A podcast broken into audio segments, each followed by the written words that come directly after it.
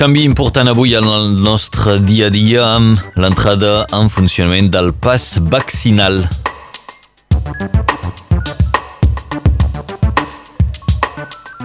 El diputat Romain Grau denunciarà l'agressió que va patir dissabte a la seva permanència, agressió per part de manifestants antipas.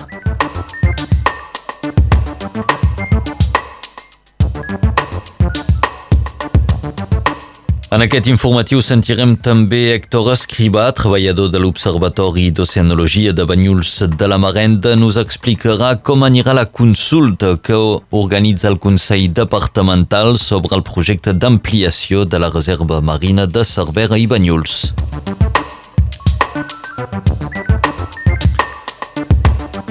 Passa endavant en el finançament de la línia TGV entre Montpellier i Perpinyà.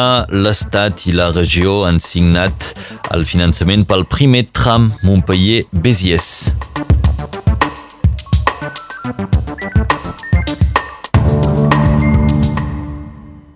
Avui entra en aplicació el pas vaccinal pels majors de 16 anys. Des d'avui, per poder entrar en un bar, en un restaurant, un cinema o als transports, caldrà presentar la prova d'una vaccinació completa. També es podrà accedir en aquests espais amb un certificat que demostra que heu passat la malaltia o amb un document de contraindicació per la vaccinació. Alguns espais no són sotmesos a l'obligació del pas vaccinal, és el cas dels hospitals, les EPAD o encara els mítings polítics. Romain Grau va anunciar ahir que denunciarà davant la justícia l'agressió que va patir dissabte a la seva permanència. Diversos manifestants antipas van insultar i agredir el diputat juntament amb Guillem Gerbilla, conseller parlamentari d'Eric Dupont-Moretti, un comerciant veí de la permanència de Romain Grau, també denuncia haver patit agressions físiques a l'estat francès. Aquestes agressions i amenaces contra l'Egit s'han multiplicat en els darrers mesos a més de 300 denúncies des del mes de juliol de l'any passat. A l'Hospital de Perpinyà les xifres de la COP29 són estables, amb 206 malalts hospitalitzats, dels quals 25 estan al servei de reanimació. Dues persones han mort en les últimes 24 hores. Avui contem 2.853 casos positius de Covid per 100.000 habitants. El foc va destruir una casa ahir al centre de Parets Tortes. Cap al migdia, prop de 40 bombers van lluitar contra les flames. El propietari va poder sortir sa i estalvi, però l'habitatge es va esfondrar parcialment. L'home ha hagut de ser reallotjat per l'Ajuntament. L'anunci del projecte d'ampliació de la reserva marina de Cervera i Banyuls ja ha aixecat reaccions diverses. Mentre alguns destaquen l'interès mediambiental o econòmic, altres mostren inquietuds, particularment per l'activitat de la pesca, de lleure o esportiva. Tots els actors i usuaris de la reserva marina podran dir la seua amb la concertació que ha obert el Consell Departamental. Héctor Escrivà, de l'Observatori d'Oceanologia de Banyuls de la Marenda, nos detalla com anirà aquesta consulta.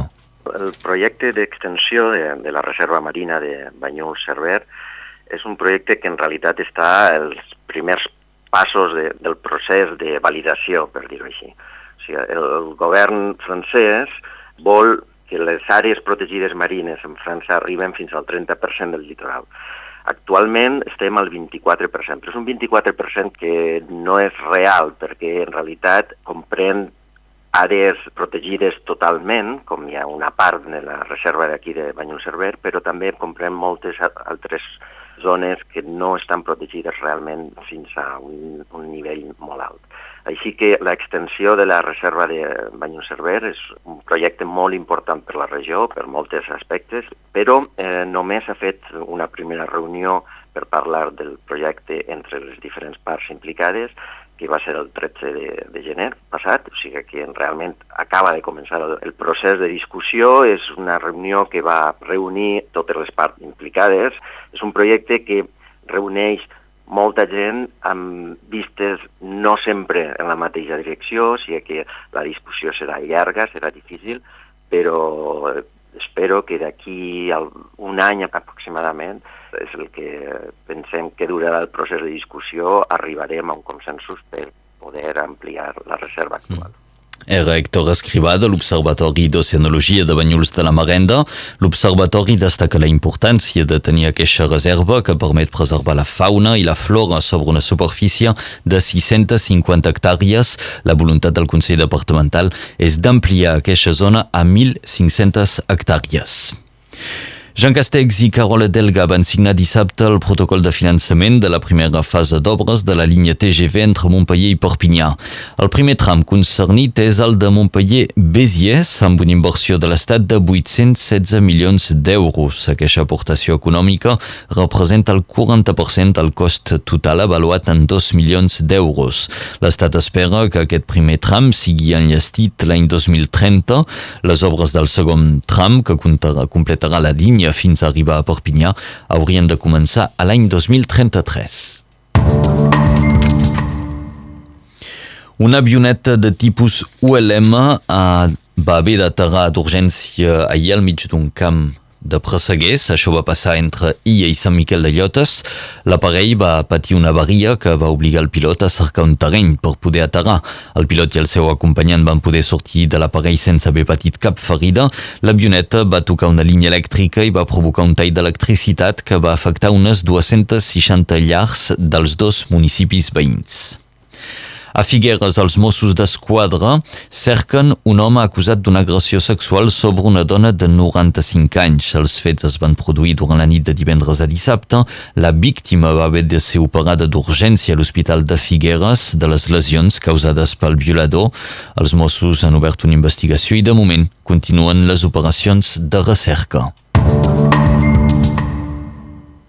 A Brussel·les ahir unes 50.000 persones van manifestar contra les restriccions anti-Covid. La protesta va acabar amb incidents i enfrontaments amb la policia.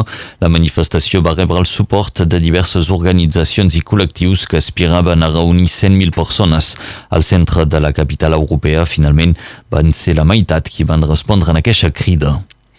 La tensió creix a la frontera ucraïnesa. El Regne Unit ja acusa Rússia, el Kremlin, d'estar preparant un canvi de poder al capdavant del govern ucraïnès per instal·lar-hi un president pro-rus. El govern britànic també reitera la defensa de la integritat territorial ucraïnesa i alerta del risc d'una invasió militar que seria, segons les, la, la ministra d'Exteriors, Liz Truss, un enorme error estratègic amb costos seriosos.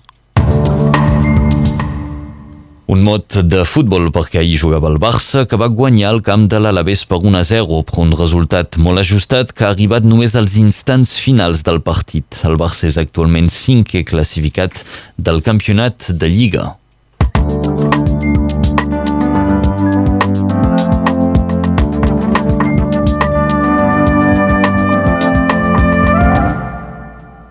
Seguim amb la informació ara del temps. Ens la presenta l'Enric Balaguer.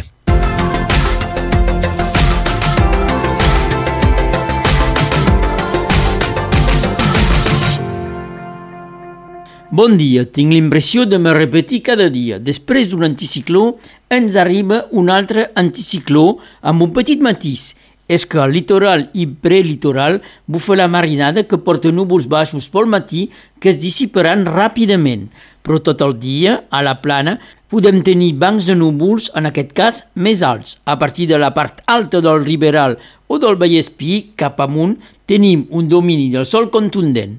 Les temperatures baixes persisteixen, normals som al gener, i són bastant homogènies de la Cerdanya a la Plana. 6 als angles, 10 a Vilanova les Escaldes, Oleta, Vilafranca, 12 a Illa, Llupià, Sant Nazari, Palau del Vidre, Cervera i els Banys d'Arles, 10 a Serrallonga, 11 a l'Ansac.